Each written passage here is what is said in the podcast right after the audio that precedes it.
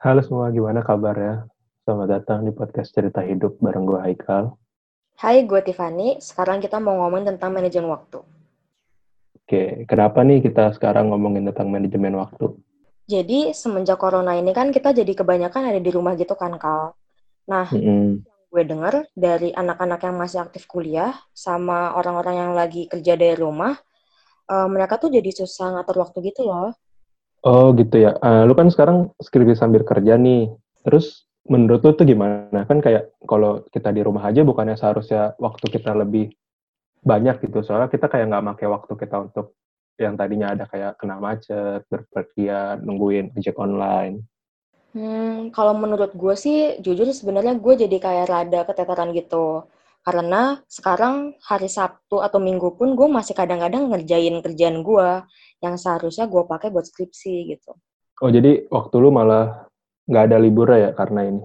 Iya, Eh, kalau menurut lu tuh kenapa tuh bisa kayak gitu? Kayak sampai kayak waktu, ya hitungannya, hitungannya lembur lah ya. Kayak seseorang tuh bisa lembur karena work from home tuh karena salah siapa gitu. Hmm, kalau menurut gue sih agak sulit ya untuk nyalahin siapa karena uh, balik lagi ketika gue udah ngatur waktu dengan benar misalnya, terus Hmm. kalau orang-orang lagi sama-sama di rumah, mungkin jadi mereka tuh lebih santai. Siapa tuh? Waduh, jangan dong, Eh, jangan. Jangan disebut ya. Oh jaga deh. Ngomongin orang. Oh jangan ketahuan nanti. Mm. Ya jadi kayak tadi ya, em, misalnya gue udah ngatur waktu sedemikian rupa, terus em, ada orang yang mungkin manajemen waktunya nggak sebagus gue, jadi dia masih keteteran gitu, apalagi orang-orang yang baru merasakan kerja dari rumah gitu. Oh. Kalau dari lu sendiri gimana nih? Kayak work from home ini ada pengaruhnya nggak buat kerjaan sama skripsi lu? Em, ini yang tadi gue bilang ya, gue sih berasa ada efeknya karena ya tadi gue weekend sampai masih harus nyentuh kerjaan gitu, padahal kan itu waktu yang sengaja gue kosongin buat kerjaan skripsi gue. Kalau enggak ntar saya nggak lulus pak. Oh iya, nggak usah lah. Kuliah aja tau. Eh jangan dong. Eh, kalau dari lu sendiri, manajemen waktu yang baik dari lu tuh gimana sih biar kayak kerjaan lu nggak keteteran lagi gitu? Apa ada rencana-rencana yang udah lu kerjain atau yang masih rencana doang? Hmm, kalau dari gue sendiri, gue tuh punya semacam weekly plan gitu. Jadi eh, setiap gue ada em, sesuatu kerjaan apa gitu, gue akan nulis di situ. Terus ntar gue akan urutin sesuai prioritas gue. Terus abis itu em, biasanya gue akan set deadline sendiri gitu. Misalnya em, gue deadline-nya minggu depan. Nah, gue akan usahain untuk nyelesain tugas itu di dalam waktu tiga hari. Jadi supaya gue nggak berasa apa ya dikejar-kejar gitu loh. Karena gue jujur orangnya panikan. Oh, jadi lu nggak bisa ngerjain deket-deket deadline gitu ya? Heeh. Terus biasanya sih em, gue berusaha untuk disiplin sama diri gue sendiri sih. Jadi misalnya em, gue nggak bisa ngerjain tugas gue, gue akan kayak em, ngasih sanksi ke diri gue. Contoh, gue jadi nggak boleh jajan seminggu misalnya. Terus kalau Wow. terus kalau misalnya gue kayak em, bisa nyelesain itu dalam waktu yang udah gue tentuin, ya biasanya gue kayak kasih self reward gitu lah. Eh, kan tadi lu bilang kayak kalau misal lu dikasih kerjaan waktu seminggu, terus lu bisa nyelesain, lu mencoba untuk menyelesaikan setengahnya itu tiga hari sebelum deadline kan ya. Mm-mm. Kalau emang tiba-tiba kan namanya kita di kerjaan kita nggak tahu ya. Kalau emang tiba-tiba kayak ada yang, Tif, tolong kerjain ini dong, gue pengen besok kelar atau nanti sore kelar tuh gimana kan lu udah ngeplan ngeplan apa aja yang lu mau kerjain tuh. Terus Mm-mm. kayak hitungannya kayak ada satu kerjaan masuk yang ngebuat lu harus replanning lagi semua rencana-rencana lu. Kalau dari gue sih, balik lagi ya ke prioritas yang tadi gue bilang. Kalau misalnya lu udah tahu prior- prioritas lu tuh apa, seharusnya sih lu bisa langsung kayak adjust jadwal lu. Terus kalau yang tadi lu bilang, misalnya ada kayak tugas yang mendadak datang gitu. Nah, itu kan berarti dia punya urgensi sendiri kan. Nah, lu coba cek lagi deh ke weekly list lu itu. Apakah lu masih ada waktu kosong atau enggak. Karena gue rasa seharusnya sih ya, dalam waktu satu minggu, lu nggak mungkin sih nggak ada waktu kosong sama sekali. Gitu. Jadi em, kalau menurut tuh manajemen waktu itu lebih kayak gimana cara prioritas kerjaan lu ya. Mm-mm. Nah kan kemarin kita sempat pasang nih pertanyaan di IG kita tentang kendala teman-teman kita tentang manajemen waktu, kendala mereka dalam manajemen waktu dan cara mengatasinya. Gimana kalau sekarang kita bacain dulu jawaban dari mereka? Boleh, boleh. Dari lu dulu apa dari gua ya? Dari gua aja. Oke. Ya. Oke. Yang pertama nih dari Diksi FP. Katanya dia, masalah utama dia karena males. Jadi kerjaannya jadi pada keteteran gitu. Terus dia bilang cara dia ngatasinnya tuh kayak dicicil dikit-dikit. Intinya dia bilang biasain untuk mulai ngerjain sesuatu dulu. Oh, mantap diksi. Emang kita untuk melakukan sesuatu yang besar kita pelan-pelan. Yang penting kerjain aja dulu apa pun yang mau dikerjain. Asalkan bermanfaat. Enggak, nggak bermanfaat juga nggak apa-apa. Kayak main game, main game aja. Gak apa-apa ya, mas. Setiap orang tuh butuh refreshing kok. Cuma Butuh refreshing udah. Main game, main musik, Oke, terus ada dari temen gue, Monica Wawaw, katanya dia tuh bingung cara prioritasin kerjaan, apalagi yang deadline-nya barengan. Dan solusi dari dia, jadi dia tuh sering maksain diri untuk get to work dan komit. Nggak boleh ke distract sampai selesai. Oh, itu solusinya. oh ya. Ya, nggak jauh beda sama yang diksi tadi kan ya. Kayak, yang penting kita paksain diri kita dulu nih untuk ngerjain ini. Soalnya kayak, di rumah tuh banyak banget distraksi-distraksi yang kita bisa rasain daripada kalau kita emang punya tempat khusus buat kerja kan. Iya, bener banget. Nah, kalau lu... Kita dekat HP ya nggak sih? Nah iya, gue pengen nanya nih, kalau lu distraksi terbesar lu tuh apa gitu? Jujur HP sih. Soalnya kalau misalnya ada notif gitu, gue pasti auto lihat gitu. Gue bukan tipe orang yang bisa naikin notif gitu loh. iya, iya sih parah banget sih. Kan juga HP gue kan tipe-tipe HP yang ada lampu-lampunya gitu kan kalau notifikasi. Ada Wait. notifikasi yang belum kita lihat gitu kayak walaupun layar kita matiin, lampunya nyala tuh gak bisa gitu kalau gak dilihat.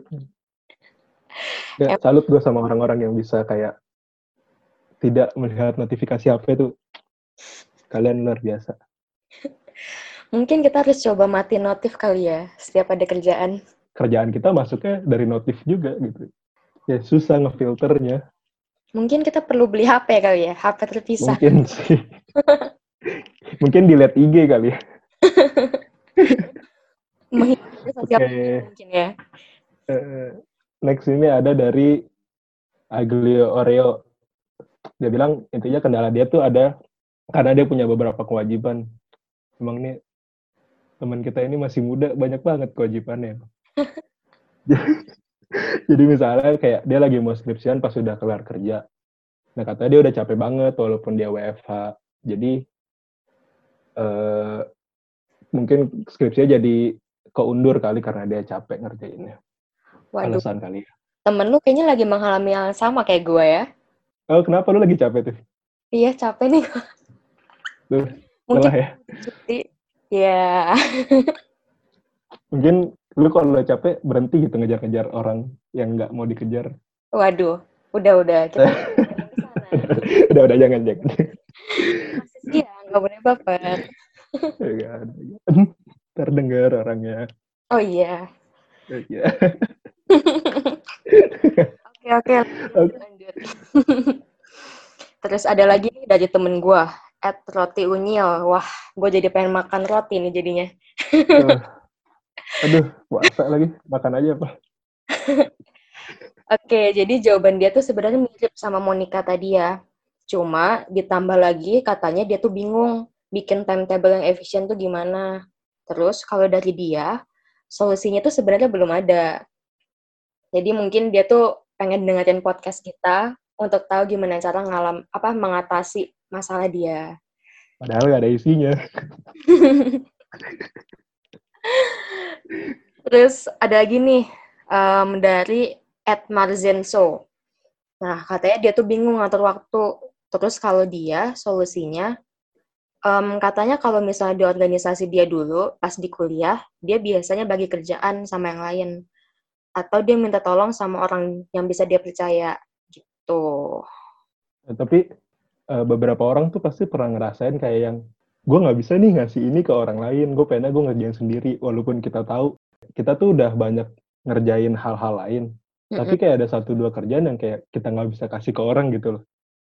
Hmm, mungkin karena itu Pernah nggak sih? Kayak orang-orang kayak lu sih sering ya. Iya, soalnya saya kebetulan perfeksionis gitu kan. Eh, iya, iya. Cuma kalau lagi nggak kuat sih ya lebih baik dikasih ke orang ya daripada lu suffering sendiri gitu. Tapi menurut lu capean lu ngerjain sesuatu dari nol atau lu benerin kerjaan orang yang gak sesuai sama lu? Hmm, menurut gue sih mendingan benerin sih ya. Soalnya Hmm. setidaknya kan kita nggak usah bener-bener mikir dari awal gitu. Dan kalau misalnya kita em, udah minta tolong ke orang nih, terus abis itu Hmm. kita malah nyesel, terus abis itu kita malah mau ngulang semuanya dari nol sendiri, menurut gue itu bukan suatu keputusan yang wise sih. Selain kita Kayak wasting waktu, wasting tenaga juga. Terus abis itu kan kayaknya jadinya hubungan kita sama orang itu jadi kurang enak ya. ya kayak kita nggak menghargai apa yang udah dia kerjain ya. Ya dia jadinya mendingan tuh Hmm. kayak kita uh, kerjain bareng supaya dia juga bisa belajar apa yang dia kurang bisa gitu. Jadi kita bukan grow sendiri, kita juga bisa bantu orang lain untuk grow gitu. Ini kita punya dua solusi lagi kayak ini temen lu dua orang ngasih solusi doang dia nggak punya masalah di hidupnya kali ya soal manajemen waktu. Dia nggak punya masalah. Oke, dari Ed William, terima kasih William. Dia bilang untuk pakai to-do list untuk solusi uh, manajemen waktunya. Terus dari Ed Irwan Setiawan, kata dia, eh, dia ini dia bilang dijadiin rutinitas aja. Siapin waktu kosong untuk development diri sendiri. Nah, ini bisa dipakai untuk hal-hal yang nggak terduga juga waktu kosongnya. Ini dia ngasih contoh nih, saya kita bangun dari jam 7 pagi, terus kita siapin untuk kerja. Nah, jam 9 sampai jam 5 tuh kita kerja, ngerjain kerjaan kita. Jam 5 sampai 7 kita kasih waktu untuk istirahat. Dan jam 7 sampai 9 tuh kosongin waktu kayak yang dia bilang tadi untuk development diri atau untuk hal-hal yang tidak terduga. Eh, mungkin dari Irwan ini kayak lebih yang dia tuh nyamain jam kerja dia biasa sama jam dia pas di rumah gitu kan. Jadi kayak tetap kerja dari jam kerja 9 sampai 5. Jadi lebih tetap disiplin sama waktu kerja dia selama ini mungkin. Bener banget. Gila, jadi menurut gue nggak ada alasan buat lu nggak punya waktu cuy. Iya sih bener. Waktu ada, Tiff. Kebanyakan buat yang nggak berguna kalau gue tapi. Ngegame ya? Main game tuh enak banget. Gak bisa, gak bisa. Gak bisa ditinggalin. Terus tau udah maghrib kan, buka puasa. Uh, senang sekali hidup saya. Oh iya, lu lagi puasa ya? Iya, Gimana puasa lu? puasanya nggak kerasa. Aduh, yang namanya nggak bisa nyari takjil tuh lebih berat gitu daripada jalanin puasanya. Iya, pasti bosan banget gak sih? Lu seharian di rumah. Ah, parah, parah, parah. Lu mau main? Loh, main kan bisa dari HP tadi bilang. Iya. Iya. Oke, kayaknya gue gue langsung rekapin aja kali ya. Jadi, dari semua tadi kita bisa tarik kesimpulannya nih. Jadi, pertama kita tuh harus buat to-do list. Terus, abis itu lu tentuin berdasarkan prioritas lo. Lalu, lu tentuin deadline-nya sendiri. Nah, ini tuh masing-masing ya. Lu mau sesuaiin sama deadline yang dikasih, atau lu bisa ikutin cara gua tadi untuk set deadline sendiri. Terus, abis itu lo bisa jadiin ini sebagai rutinitas lo. Gue tahu sih, ini pasti awalnya tuh susah banget. Em, dan lo tuh harus disiplin sama diri sendiri, tapi pasti lo akan lama-lama biasa. Nah, em, terus yang tadi kita ngacu ke jawabannya si Irwan itu, jadi kita harus biasain ada jam kosong. Jadi jam itu bisa kita pakai kalau ada tugas-tugas atau suatu hal yang gak terduga. Nah, terakhir, ini saran dari gua, uh, lu juga bisa kasih self reward ke diri lo sendiri ketika lu udah ngerjain tugas lo. Gitu sih. Ya, mantap. Oke, kayaknya eh, udah kelamaan ya. Makasih ya semua yang udah dengerin. Semoga mendapatkan suatu manfaat dari kita. Bye-bye. Bye-bye.